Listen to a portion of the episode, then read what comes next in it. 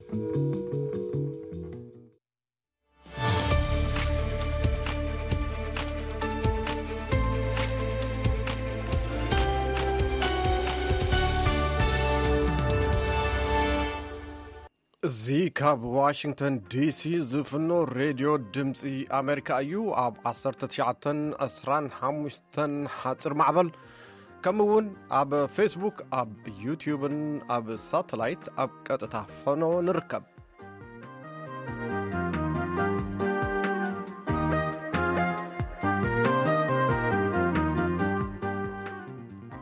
ዕስራን ሓሙሽተን ጥሪ 224 ወይ ከዓ ዓሰርተ ሽዱሽተ ጥሪ 216 እዩ ከመይ ውዕልኩም ከመይ ኣምስኹም ክቡራትና ዜና ክነቕድም ኢና ድሕሪኡ ሕፁይ ሪፐብሊካውያን ፓርቲ ናይ ምዃን ሰፍሖ ዕድል ዘለዎም ፕረዚደንት ዶናልድ ትራምፕ ብዛዕባ ንኡክራይን ስዑድያን ካልኦትን ሃገራትን ዝወሃብ ይቕረታ ብዛዕባ ንእስራኤል ከምኡ ውን ካልኦት ሃገራት ኡክራይንን ታይዋንን ዝወሃብ ገንዘባዊ በጀት ኣመልኪቶም ክኽተሉ እየ ዝብሉ መምርሒ ዝሃብዎ መግለፂ ኣሎ ከምኡ እውን ኣብ ስዑድያ ተኣሲሮም ብዛዕባ ዘለዉ ኢትዮጵያውያን ክንዛረበሎም ኢና ናይ ሎሚ መደብና መደብ መናእሰያት እዩ ኣብ ኣዲስ ኣበባ ንሓደ ዕዳጋን ዓማዊልን ዘራኽብ ኣፕሊኬሽን ዝሰርሐ ኩባንያ ክነላለየኩም ኢና ምሳና ፅንሑ ዜና ክነቐድም ካብ ሳራ ከመይ ተምስዩ ዜና ከስማዓኩም ግብፂ ብቐጥታ ይኹን ብተዘዋዋሪ ኣብ ኢትዮጵያ ምርግጋእ ንኸይፍጠር ትሰርሕ ኣላ ክብል ሚኒስትር ጉዳያት ወፃኢ ኢትዮጵያ ኸሲሱ ኣብቲ ኣብ ቀረባ እዋን ኣብ መንጎ ኢትዮጵያን ሶማሊላንድን ዝተፈረመ መዘክር ሰነድ ስምምዕ ብዝምልከት ግብፂ ዝሓዘቶ መርገፂ ዝነቐፉ ወሃቢ ቃል ሚኒስትር ጉዳያት ወፃኢ ኣምባሳደር መለስ ኣለም ካብ ኢትዮጵያ ንላዕሊ ንሶማልያ ክሕለቕ እየ ምባል ከንቱ ፍከራ እዩ ክብሉ ገሊፆም። ፕሬዝዳንት ግብፂ ዓብዱልፈታሕ ኣልሲሲ ብሰንበት ኣብቲ ንኢትዮጵያ ዘመሓላለፍዎ መልእኽቲ ዝኾነ ኣካል ንሶማልያ ክፈራርሕ ይኹን ክጎድእ ኣይነፍቅድን ክብሉ ምጥንቃቖም ዝዘከር እዩ። ግብፂ ተመሳሳሊ መግለፅታት ምውፃኣ ምቕፃላ ዝገለፁ ኣምባሳደር መለስ እዚ ግን ንኢትዮጵያ ዘስግእ ኣይኮነን እውን ኢሎም። መርገጺ ግብጺ ዝተቓወመት ሶማሊላንድ ብወገና፣ ግብጺ ዲፕሎማስያዊ ጻዕራ ንከም ሱዳን፣ ሊብያን ጋዛን ዝበሉ ዝቐረቡ ጎረባብታ ንምህዳእ ክትሰርሓሉ ነተባብዕ ኢላ። ኬኔዲ ኣባተ ካብ ኣዲስ ኣበባ ዝለኣኾ ጸብጻብ። ነቲ ኣብ ኢትዮጵያ ዘሎ ግጭት ጠጠው ንምባል መንግስቲ ንዕጡቓት ሓይልታት ሓቀኛን ዕላውን ጻውዒት ሰላም ንኸቕርብ ውድብ ኢዜማ ሎማዓንቲ ኣብ ዝሃቦ መግለጺ ሓቲቱ። ኣብ ክልላት ኣምሓራን ኦሮምያን ዘሎ ኹናት ንሞት ብዙሓት ምኹንያት ይኸውን ኣሎ ዝበለ እቲ ውድብ፣ እቲ ፀገም ብሰላማዊ መገዲ ጥራሕ ክፍታሕ ድማ ተላብዩ። ገብረሚካኤል ገብረመድህን ተወሳኺ ዝርዝር ኣለዎ። ውድብ ኢዜማ ሎሚ ኣብ ዝሃቦ መግለፂ፣ እቲ ኣብ ኢትዮጵያ ዘሎ ፀገም ፀጥታ እናተጋደደ ይመፅእ ከምዘሎ የመልክት። ናይቲ ውድብ ዋና ፀሓፊ ኣቶ ኣበበ ኣካሉ ኣብ ዘቕረብዎ መግለፂ፣ በቲ ዘሎ ፀገም ዜጋታት እታ ሃገር ወፂኦም ክኣትዉ ኣብ ዘይኽእልሉ ብርኪ በፂሖም ኣለዉ ይብሉ። ሰላማውያን ሰባት በቢከባቢኡ እናተጨወዩን እናተቐተሉን ከምዝርከቡ ይዛረቡ። እዞም ፀገማት ንኽፍጠሩ ካብ መንግስቲ ወፃኢ ዘለዉ ተዓጠቕቲ ሓይልታት ዓብዪ ግደ ከምዘለዎም ዘመልከተ እቲ መግለፂ፣ መንግስቲ ኢትዮጵያ ነዞም መጥቃዕትታት ጠጠው ከብሎም ኣይከኣለን ይብል። ናይዚ ምኽንያት ድማ መንግስቲ ሰላምን ፀጥታን ናይ ምውሓስ ቆራፅነትን ዓቕምን ስለዘይብሉ ከምዝኾነ ይሕብር እቲ መግለፂ። እቲ ውድብ ኣብ መግለጺኡ ዘካተቶ ካሊእ ጸገም ንዜጋታት ብዘይሕጋዊ መንገዲ ብምእሳር ዝግለጽ ግህሰት ሰብኣዊ መሰል እዩ። ኣብ ዙርያ ኣዲስ ኣበባ ብኣሽሓት ዝቑጸሩ ሰባት ተኣሲሮም ከምዝርከቡ ብመረዳእታ ኣረጋጊጸ ኣለኹ ዝበለ እቲ ውድብ ካብ መንጎኦም ድማ ኣባላቱ ከምዝርከብዎም ሓቢሩ። ውድብ ኢዜማ እቲ ኣብ ክልላት ኣምሓራን ኦሮምያን ዘሎ ኲናት ነታ ሃገር ዋጋ የኽፍላ ምህላዉ እውን ይሕብር። እዚ ጸገም ንኸብቅዕ መንግስቲ ነቶም ተዓጠቕቲ ሓይልታት ናይ ይምሰል ዘይኮነስ ሓቀኛ ጻውዒት ሰላም ከቕርበሎም እቲ ውድብ ሓቲቱ ኣሎ። ኣቶ ኣበበ፣ መንግስቲ ኢትዮጵያ ነቲ ኣብ ክልል ትግራይ ኣጋጢሙ ዘሎ ሓደጋ ጥሜት እውን ጠመተ ከምዘይሃቦ እዮም ኣብ መግለጺኦም ዝሓበሩ። በኣንዳንድ ክልሎች የድርቅ ኣደጋ የተደቀነ ቢሆንም፣ ኣብ ሓደ ሓደ ክልላት ሓደጋ ድርቂ ዘጋጠመ እኳ እንተኾነ ብፍላይ ኣብ ትግራይ ምስቲ ቅድሚኡ ዝነበረ ኲናት ዝተተሓሓዘ ዓብዪ ሰብኣዊ ቅልውላው ከምዘጋጠመ ዝፍለጥ እዩ። እቲ ኲናት ንዝፈጠሮም ማሕበራዊ ቅልውላዋት ንምፍታሕ ፃዕርታት እኳ እንተተገበሩ ኣብቲ ክልል ዝርከቡ ዜጋታት ንጥምየት ተቓሊዖም ኣለው። ሰባት ብጥሜት ይሞቱ ምህላዎም፣ ልዕሊ ሓደ ሚልዮን ሰባት ህጹጽ ሓገዝ ከም ዘድልዮምን እቲ ግዝያዊ ምምሕዳር እናገለጸ ይርከብ። መንግስቲ ኢትዮጵያ ግን ነቲ ጸገም ክንዲ ህጹጽ ፍታሕ ዝህብ ኣብ ኣሃዛዊ መረዳእታ ዝተደረኸ ፖለቲካ ብምልዓል ምስቲ ግዝያዊ ምምሕዳር እዩ ዝሻኾት ዘሎ።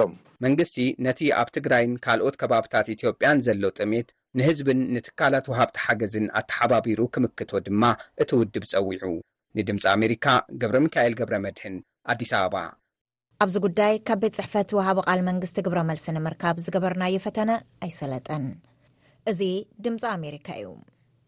ኣብ ናይጀርያ ክፍለ ግዝኣት ማእኸላይ ፕላቴኡ ከባቢ ከተማ ማንጎ ብዝተፈፀመ መጥቃዕቲ ብውሕዱ 30 ሰባት ክሞቱ ከለው ብዙሓት ድማ ምቑሳሎምን ምምሕዳር እታ ክፍለ ግዝኣት እውን ሰዓት ሕላፊ ምእዋጁን ሮይተርስ ሓቢሩ። እቲ ትማሊ ረቡዕ ዘጋጠመ መጥቃዕቲ ነቲ ኣብ እዋን በዓል ልደት ኣብቲ ከባቢ ንዝተፈጸመ ብውሕዱ ንመቕተልቲ 140 ሰባት ምኽንያት ዝኾነ መጥቃዕቲ ስዒቡ እዩ ወሃቢ ቓል ፖሊስ ክፍለ ግዝኣት ፕላቴኡ እቲ መጥቃዕቲ ካብ ዝፍጸም ክልተ መዓልቲ እኳ እንተሓለፎ መብርሂ ክህቡ ንዝቐረበሎም ሕቶ ዛጊድ ዝበልዎ የለን ማሕበረሰባዊ ጉጅለ ልምዓት እቲ ከባቢ ኣብ ዘውፅኦ መግለፂ በቲ መጥቃዕቲ ነቶም ጓሶት ብምውቃስ መንግስቲ ድማ ድሕሪ እቲ ናይ በዓል ልደት ዝነበረ መጥቃዕቲ ወተሃደራቱ ናብቲ ከባቢ ዘይምውፋሩ ድማ ዘይተመለሰሎም ሕቶ ምዃኑ ኣስፊሩ። ንሰንዓን ካልኦት ዓበይቲ ከተማታት የመንን ዝቆጻጸሩ ትሑቲ ኣብ ሰንዓ ንዝርከቡ ዜጋታት ኣሜሪካን ዓዲ እንግሊዝን ዝኾኑ ሰራሕተኛታት ሕቡራት ሃገራት ኣብ ውሽጢ ወርሒ ንኽወጹ ትእዛዝ ሂቦም። እቲ ናብ ሓላፊ እቲ ትካል ዝተጻሕፈ ደብዳበ፣ ንዜጋታት እተን ዝተጠቕሳ ክልተ ሃገራት ዝኾኑ ሰራሕተኛታት እቲ ትካል ኣብ ውሽጢ ሰላሳ መዓልቲ ንምውጻእ ምድላዋቱ ከጻፍፍ ዝሓትት እዩ። መምርሒ ሑቲ፣ ኣብ ልዕሊ እቲ ዕጡቕ ጉጅለ መጥቃዕቲ ንዝገብራ ዘለዋ ኣሜሪካን ዓዲ እንግሊዝን ምዃኑ ሮይተርስ ይጠቅስ። መንግስቲ ኣሜሪካ እውን ዝሓለፈ ሰሙን ንጉጅለ ሑቲ ኣብ መዝገብ ግብረ ሽበራ ከም ዘእትዎ ይዝከር ፖሊስ ኒጀር ነቲ ቅድሚ ሰለስተ ሰሙን ኣብ መዕርፎ ነፈርቲ ኣዲስ ኣበባ ዝተታሕዘን ካብ ንያመ መፅኡ ዝተባህለን ልዕሊ ሓደ ቶን ወርቂ ብዝምልከት ምርመራ ምጅማሩ ትካል ዜና ፈረንሳይ ካብ ኣካላት ፍትሒ ኒጀር ሓበሬታ ምርካቡ ሓቢሩ እቲ ኣብ መዕርፎ ነፈርቲ ኣዲስ ኣበባ ዝተታሕዘ ወርቂ ልዕሊ ቴስዓን ሓደን ሚልዮን ዩሮ ዝግመት፣ ሓደ ሽሕን ኣርባዕተ ሚእትን ኪሎ ግራም፣ ምዃኑ ንዓለምለኸ ግልፅነት ዝሰርሕ ትራንስፓረንስ ኢንቱርናሽናል ዝተባህለ ዘይመንግስታዊ ትካል ብዘውፅኦ ጋዜጣዊ መግለፂ ኣፍሊጡ ኣሎ። ቀፂሉ ንዘሎ ዕላማ ምርመራ መስ ፖሊስ ፍትሒ ኒጀር ርክብ ከም ዝገበረ ሚኒስትር ፍትሒ ኒጀር ዓልኦ ዳውዳ ንህዝቢ ብሬድዮ ገሊፆም ኣለው።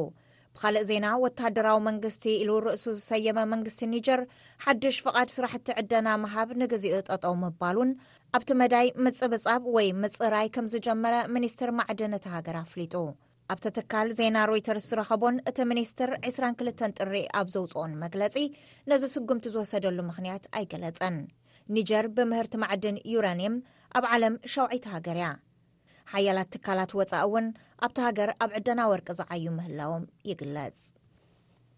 ኣብ መወዳእታ ኣብ መንጎ ኣመንቲ እስልምናን ሂንዱን ምትፍናን ኣብ ዝረኣየሉ ዘሎ እዋን ሰብ መዚ ሙምባይ ኣብታ ከተማ ዝርከባ ሓያሎ ግዜያውያን ኣብያተ ሸቐጥ ኣስላም ኣፍሪሶም እዚ ዝኸውን ዘሎ ቀዳማይ ሚኒስተር እታ ሃገር ኒራንድራ ሞዲ ናይ ሂንዱ ቤት መቕደስ ድሕሪ ምምራቖም ኣብታ ሃገር ዝጸንሐ ምትፍናን ኣብ ዝጓሃረሉ እዋን እዩ።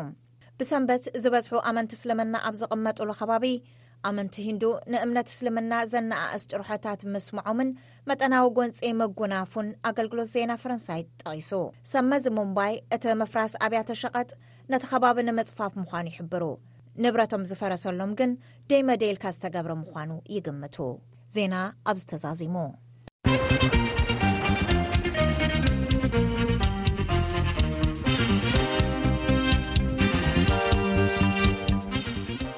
ክቡራትና ዕለታዊ ዜና ካብ ሳራ ሰምዕና የቐንልና ሳራ ንኣብጃን ኣይቨሪኮስ ክንወስደኩም ፅዋዕ ኣፍሪቃ 213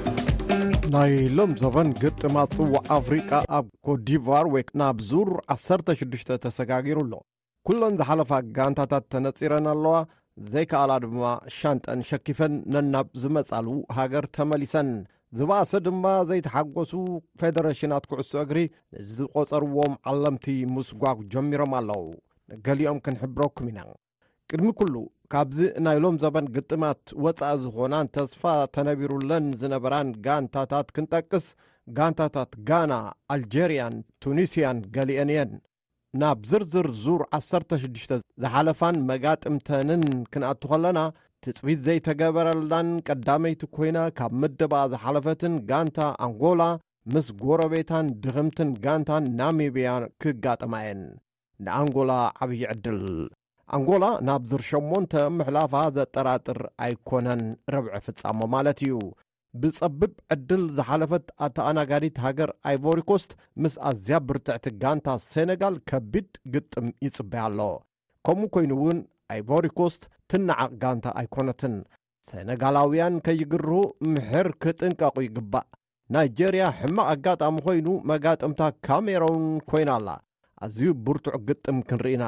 ኣብዚ ናይ ሎም ዘበን ግጥማት ኣዝያ ተባሃጊትን ናብ ጽዋዕ መንዓ ተረን ናይ ምብጻሕ ሰፊሕ ዕድል ኣለዋ ትበሃልን ጋንታ ኢኳቶርያል ጊኒ ምስ ብኽንደይ ቅልስ ሳልሳይ ደረጃ ሒዛ ዝሓለፈት ጋንታ ጊኒ ክትገጥም እያ።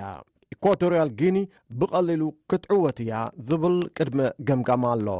ጎሊሃ ዝወጸት ጋንታ ኬፕ ቨርዲ ምስ ሳልሳይ ብርኪ ሒዛ ዝሓለፈት ጋንታ ሞሪታንያ ክትገጥም እያ ደሴት ኬፕ ቨርዲ ናብ ዙር ሸሞንተ ንምሕላፍ ዓብዪ ዕድል ኣሎ ክልተ ድኹማት ጋንታታት ማሊን ቡርኪና ፋሶን ክጣፍኣ እየን ኣብ መወዳእታ ብርትዕቲ ጋንታ ሞሮኮ ኣንጻር ድኸምቲ ጋንታ ደቡብ ኣፍሪቃ ሞሮኮ ብቐሊሉ ክትሓልፍ እያ ዝብል ገምጋም ኣሎ ግጥም ኣውዲቕካ ምሕላፍ ቀዳም ብዝካየድ ግጥማት ኣንጎላን ናሚብያን ከምኡ እውን ናይጀርያን ካሜሮንን ጀሚሩ ድሕሪ ሰለስተ መዓልታት ግጥም ሰሉስ ማለት እዩ ጋንታታት ማሊን ቡርኪናፋሶን ሞሮኮን ደቡብ ኣፍሪካን ክዛዘም እዩ ዝሓለፋ ጋንታታት ክልተ መዓልቲ ኣዕሪፈን ናብ ኣርባዕተ ጋንታታት ዝጻረያሉ ግጥም ኣውዲቕካ ምሕላፍ ክቕጽላ እየን ፍርቂ ፍጻሚ ይበሃል ከምኡ እናበለ ናብ ግጥም ጽዋዕ መንዓተረ ክብጻሕ እዩ ካብ መንጎ 24 ጋንታታት ዛጊድ 8 ጋንታታት ካብ መባእታዊ መድረኽ ግጥማት መጻረይ ተኣልየን ኣለዋ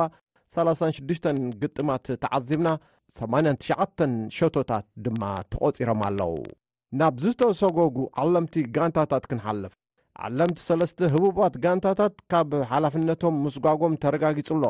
ዓላሚ ጋንታ ጋና ክሪስ ሂፍተን፣ ዓላሚ ጋንታ ኣይቮሪኮስት ያን ሉዊስ ጋሰት፣ ዓላሚ ጋንታ ኣልጀርያ ጀማል ቤልማዲን ከምኡ እውን ዓላሚ ጋንታ ታንዛንያ ኣደል ኣምሮችን ተሰጒጎም ኣለው ኣብ ዘረባና ጋንታ ኣተኣናጋዲት ሃገር ኣይቮሪኮስት ሳላ ሞሮኮ ትማሊ ንዛምብያ ሓደ ንዜሮ ምስዓራ እያ ሓሊፋ ሞሮኮ ማዕረ ወይ ናይ ምስዓር ዕድል ኣጓኒፍዋ እንተ ዝነብር ኣተኣናጋዲት ሃገር ኣይቮሪኮስት ምቐበጸት ነይራ ብኻልእ ኣበሃህላ ሞሮኮ ንኣይቮሪኮስት ዓብዪ ውዕለት ውዒላትላ ኣላ ኣይቮርያውያን ግልብጥ ኢሎም ንጋንታ ሞሮኮ እንተደገፉ ኣይፍረደሎምን ኣብ ዘረባና ንዝተባረረ ዓላሚ ጋንታ ኣይቮሪኮስት ዝነበረ ሰ0 ዓመት ዝዕድሚኡ ፈረንሳዊ ጋሴት ዝትክኦ ሓጋዚኡ ዝነበረ ኤመርስ ፌይ ምዃኑ ፌደሬሽን ኩዕሶ እግሪ ኮዲቫር ኣፍሊጡሎ ይኣኽለና ናብ ናይ መወዳእታ ሓበሬታ ክንሰግር ብሽክለታ፣ ንጋንታ ብሽክለታ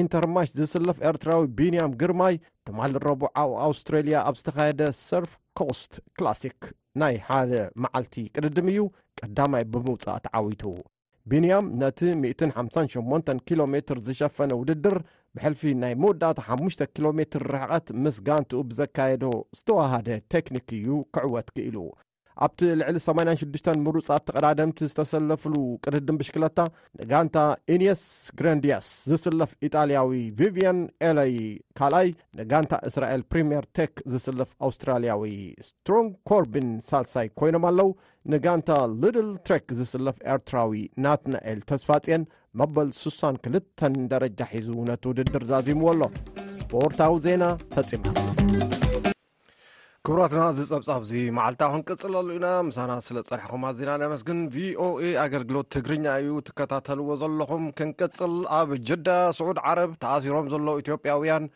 ንሞት ጥሜትን ሕማምን ተሳጢሖም ከም ዝርከቡ ንቪኦኤ ገሊጾም ንዓዶም እውን ክምለሱ ደጋጊሞም ከም ዝሓተቱ ዝሓበሩ እቶም እሱራት ሰማዕ ስኢንና እውን ይብሉ ንገለ እቶም እሱራት ብስልኪ ዘዘራርበ ገብረ መድን ግብረ መልሲ ዝምልከቶም ኣካላት እውን ሓዊሱ ዘዳለዎ ሪፖርት ኣሎ ይቐጽል ካብ ክልል ትግራይ ባሕሪ ኣቋሪጹ ስዑዲ ዓረብ ምስ ኣተወ ብዘይ ሕጋዊ መገዲ ኣቲኻ ብዝብል ዝሓለፈ ዓመት 215 ዓ ም ከም ዝተኣሰረ ዝገልጽ ተስፋይ ተኽላይ ዝተብሃለ እሱር ገሃነም ኢሉ ኣብ ዝጸውዖ ቤት ማእሰርቲ ኣብ ስቓይ ንርከብ ይብል። ሰራሕተኛታት ኤምባሲ ኢትዮጵያ ኣብ ስዑድ ዓረብ ኣብ ዝሓለፈ ወርሒ ነሓሰ ንቶም እሱራት ንምምዝጋብ ናብቲ ቤት ማእሰርቲ ኣብ ዝመጽሉ ግዜ በዝሒ እሱራት ሓቲትናዮም ዓሰርተታት ኣሽሓት ከም ዘለና ነጊሮምና ይብል ተስፋይ።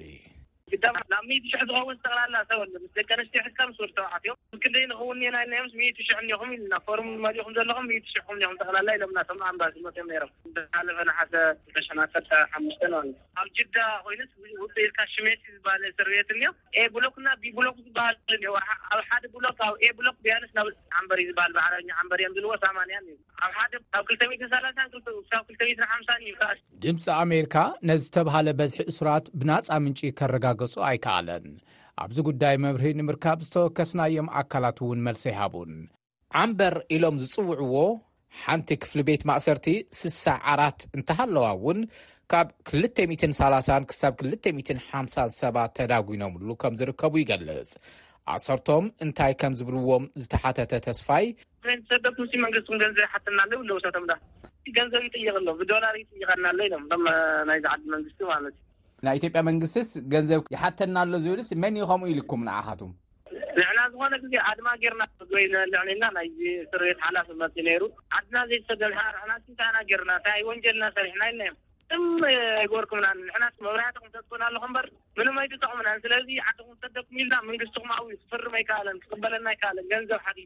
ናይ መውረዲ ማለት እዩ።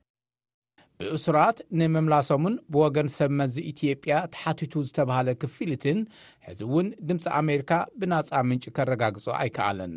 ኣብዚ ጉዳይ ዝሰርሕ ሚኒስትሪ ወፃኢ ጉዳይ ኢትዮጵያ ምዃኑ ዝፍለጥ ኮይኑ ካብቲ ሚኒስትሪ ግብረ መልሲ ንምስማዕ ዝገበርናዮ ተደጋጋሚ ፈተነ እውን ኣይተዓወተን።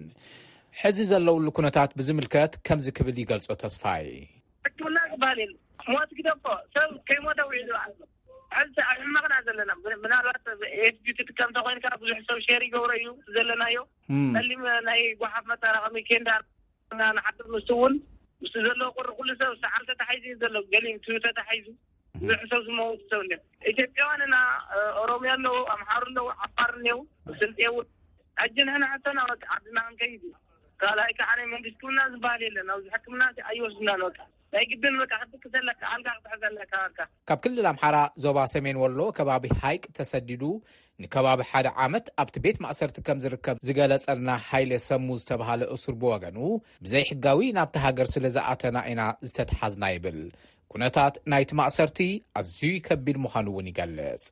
ሽግር ላይ ያለ ነው አሁን ልንበላው የለ ልንጠጣው የለ ሕክምና ይደረግልን ኣብ ኣዝዩ ሕማቅ ኩነታት ኢና ዘለና እንበልዖ እንሰትዮ የብልናን ሕክምና ውን ወላ የለን ኣብ ጸሊም ላስቲክ ኢና ንድቅስ ዘለና ኣብ ኣዝዩ ሕማቅ ኩነታት ኢና ንርከብ። ሃይሌ እውን ኣድማ ምሕሳብ ምግቢ ገይሮም ሰበ ስልጣን ሱዕዲ ኣብ ዝመፅሉ ግዜ ንሕና ንመንግስትኹም ክነረክበኩም ድሌት እንተሃለወና እውን መንግስትኹም ክወስደኩም ፍቓደኛ ኣይኮነን ክብሉ ከምዝተዛረብዎም ገሊፁ። ሰባት ሰኣን ሕክምና በብእዋኑ ብሕማም ይሞቱ ከም ዘለዉ ዝገለፀ ሃይሌ ሰሙ፣ እቶም እሱራት ካብ ብዙሓት ከባቢታት ኢትዮጵያ ዝመፁ እዮም ይብል። ካብ ክልል ኦሮሚያ ከም ዝተሰደደ ዝገለፀ እሱር ሃምዛ ዑመር እውን መንግስቲ ኢትዮጵያ ካብቲ ዘለውሉ ስቓይ ከውፅኦም ፀዊዑ ኣሎ። ተሓላቒ መሰላት ትካል ሁማን ራይትስ ዎች ኣብ ወርሒ ነሓሰ 223 ኣብ ዘውፅኦ ጸብጻብ ብመንገዲ የመን ኣቢሎም ናብ ስዑዲ ዓረብ ዝኣትዉ ኢትዮጵያውያን ስደተኛታት ኣደዳ መቕተልቲ ሓለዋ ዶባት ስዑዲ ዓረብ ኣብ ማእሰርቲ ድማ ግዳያት ሕሱም ስቓይ ከም ዝኾኑ ጸብጺቡ ነይሩ ሁማን ራይትስ ዎች ኣብቲ እዋን ኣስታት 750,000 ኢትዮጵያውያን ሰራሕተኛታት ኣብ ስዑዲ ዓረብ ይነብሩ ምህላዎም ሓርፋፍ ገምጋሙ ሂቡ ነይሩ ኣብ ስዑዲ ዓረብ ንነዊሕ እዋን ተኣሲሮም ዝጸንሑ ኢትዮጵያውያን ዋላ እኳ መቕጻዕቶም እንተወድኡ ናብ ሃገሮም ክምለሱ ብዘይምኽኣሎም ሕዚ እውን ኣብቲ ቤት ማእሰርቲ ይሳቐዩ ከም ዘለዉ ኣብ ዝሓለፈ ንድምጺ ኣሜሪካ ሓቢሮም ነይሮም። ኣብ ስዑዲ ዓረብ ካብ ዝርከብ ኤምባሲ ኢትዮጵያ ከምኡ እውን ወሃብ ቃል ሚኒስትሪ ጉዳያት ወጻኢ ኢትዮጵያ ካብ ዝሓለፈ ሰሙን ጀሚርና ብስልክን ኢሜይልን መብርሂ ንምርካብ ዝገበርናዮ ጻዕሪ መልሲ ኣይረኸበን። እንተኾነ ግን ቪኦኤ ቅድሚ ኣዋርሕ ኣብ ዝሰርሖ ጸብጻብ፣ ኣብ መላእ ስዑዲ ዓረብ ተኣሲሮም ዝርከቡ ኢትዮጵያውያን የስምዕዎ ንዘለዉ ጥርዓን ብዝምልከት መልሲ ክህብ ዝተሓተተ ሚኒስትሪ ጉዳያት ወጻኢ ኢትዮጵያ፣ ነቶም ካብ ኣብያተ ማእሰርቲ ዝተፈትሑ ስደተኛታት ናብ ዓዶም ንምምላስ ይሰርሕ ምህላዉ ገሊጹ ነይሩ። ብዛዕባዚ ንናይ ኢትዮጵያ ኣገልግሎት ስደተኛታትን ተመለስትን ሓቲትና ነይርና። ኣብቲ መንግስታዊ ትካል ዳይረክተር ኮሙኒኬሽን ኣቶ ብኣካል ንጉሴ ንቪኦኤ ኣብ ዝሃቦ መልሲ ቤት ጽሕፈቱ ኣብ ውሽጢ ሃገር ንዝርከቡ ስደተኛታትን ኣብ ወፃኢ ሃገር ብናይ ሕቡራት መንግስታት ወኪል ስደተኛታት ዝተመዝገቡን እምበር ንቁጠባ ክብሉ ዝተሰደዱ ፍልሰተኛታት ኣይምልከቱን ክብል መሊሱ። ካብ ኤምባሲ ስዑዲ ዓረብ ኣብ ዋሽንግተን ዲሲ ርእይቶ ንምርካብ ዝገበርናዮ ጻዕሪ እውን ኣይተዓወተን።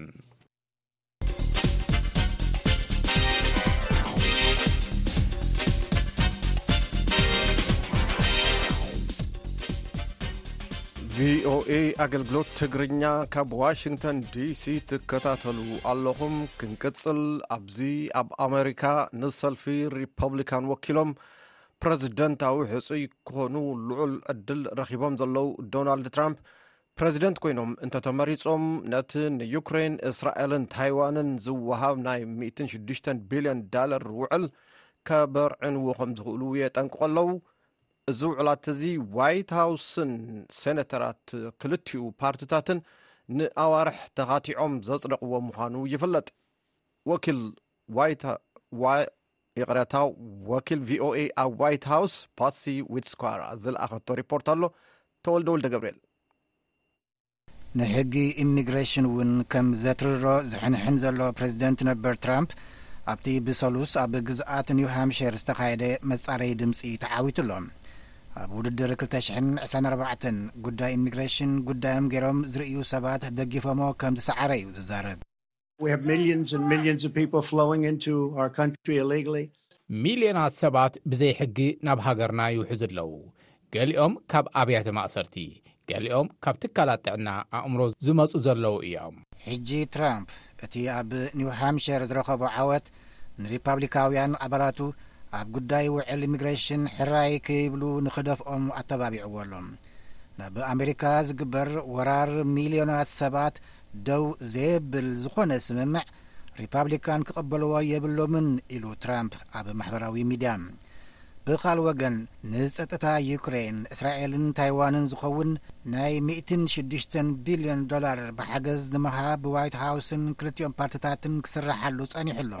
ሪፓብሊካን እቲ ዝወሃብ ገንዘብ ንሕግታት ኢሚግሬሽን እውን ንምትራር ዝሓቆፈ ክኸውን ኣለዎ ኣብ ዝብልሉ ዘለዉ እዋን ፕረዚደንት ጆ ባይደን ድማ እቲ ውዕል እንተወሓደ ኣብ ሰነት ክጸድቕ ዘለዎ ተስፋ ይገልጽ ኣሎ።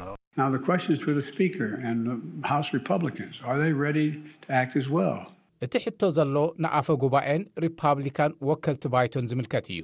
ንሳቶምከ ግቡኦም ክገብሩ ድሉዋት ድዮም ዝብል እዩ እቲ ዘሎ ሕቶ። ተሓለቕቲ ኢሚግሬሽን ግን በዚ ዕጉባት ኣይኮኑን። ኢሚግሬሽን ሃብ ንዝተባህለ ተሓለቒ ትካል እትመርሕ ሊያ ፓራዳ፣ ሪፓብሊካን ነቲ መስርሕ ኢሚግሬሽን በቲ ሰብኣዊ ጎኑ ስርዓት ከትሕዝዎ ድሉዋት ኣይኮኑን ትብል።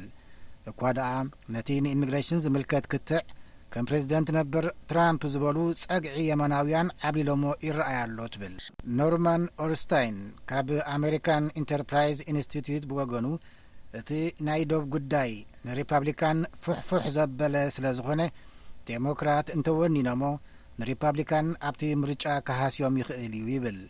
ነቲ ናይ ዶብ ጉዳይ ካብ ወፍሪ ምርጫ ክልተ ሽሕን ዕስራን ኣርባዕተን ብምውጻእ ንባይደን ዝረብሕ ዝኾነ ነገር ክገብሩ ኣይደልዩን እዮም ይብል ብምስዓብ።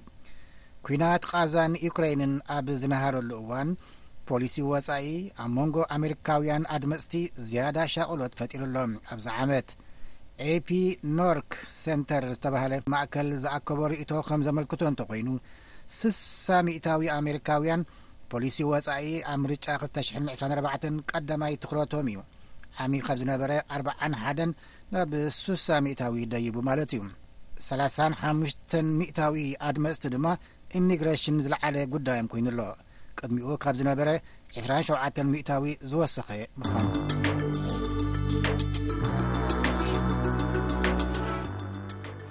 ቪኦኤ ካብ ዋሽንግተን ዲሲ ንቐጽል መደብ መናእሰይ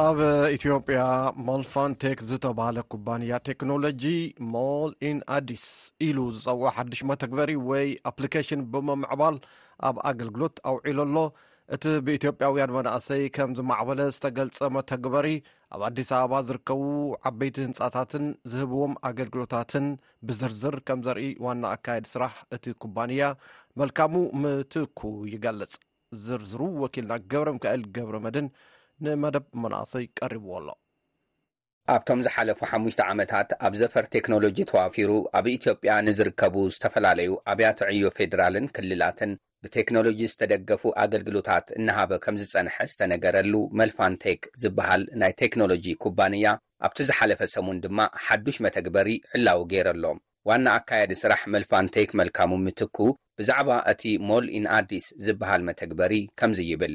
መተግበሪያችን ከሚሰጣቸው ጠቀሜታዎች መካከል በጥቂቱ ለማህበረሰቡ።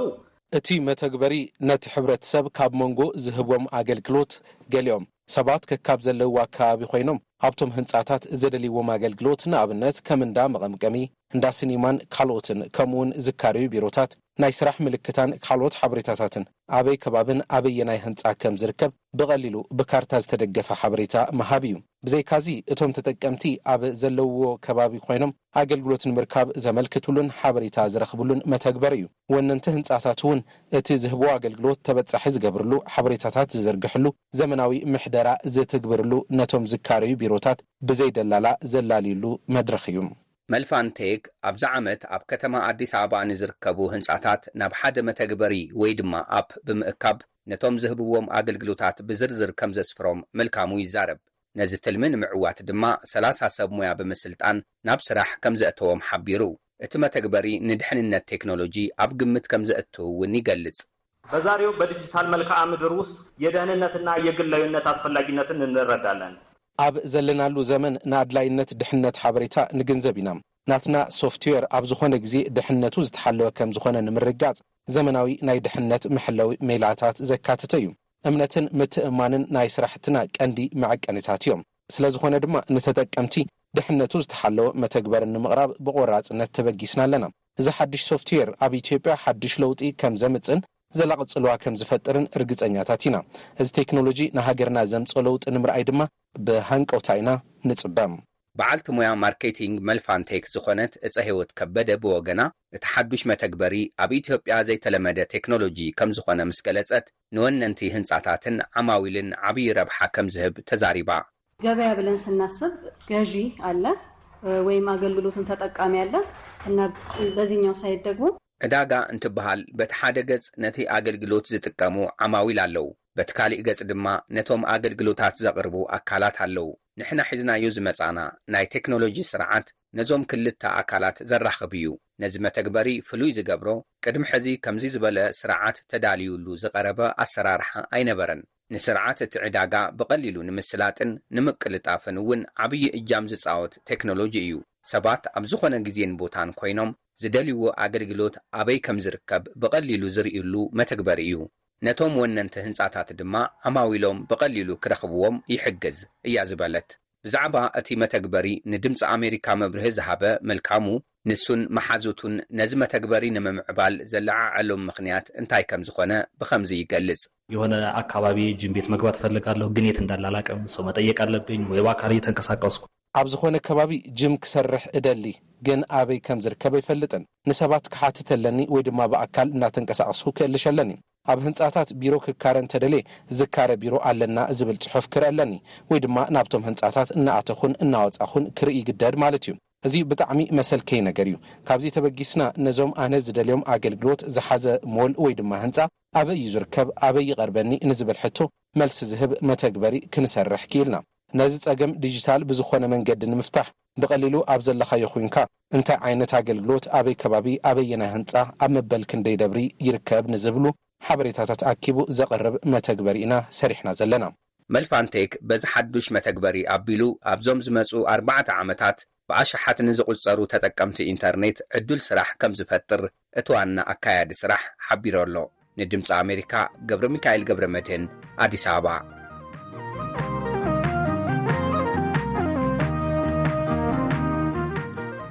ክቡራትና ዛዚምና ኣለና ንሎሚ ዘዳለናዮም መደባት እዞም ዝተኸታተልኩምዎም ጽባሕ ኣብ ተግባራት ግብረ ሰናይ ዝተዋፈረ ድምፃዊ ኩራብ ክብሮም በሪሁ ዘተኣናገደ መደብ ክህልወና እዩ ምሳና ጸኒሕኹም ስለ ዝተኸታተልኩምና ክብረት ይሃበልና ሰላም ደሓን ሕደሩ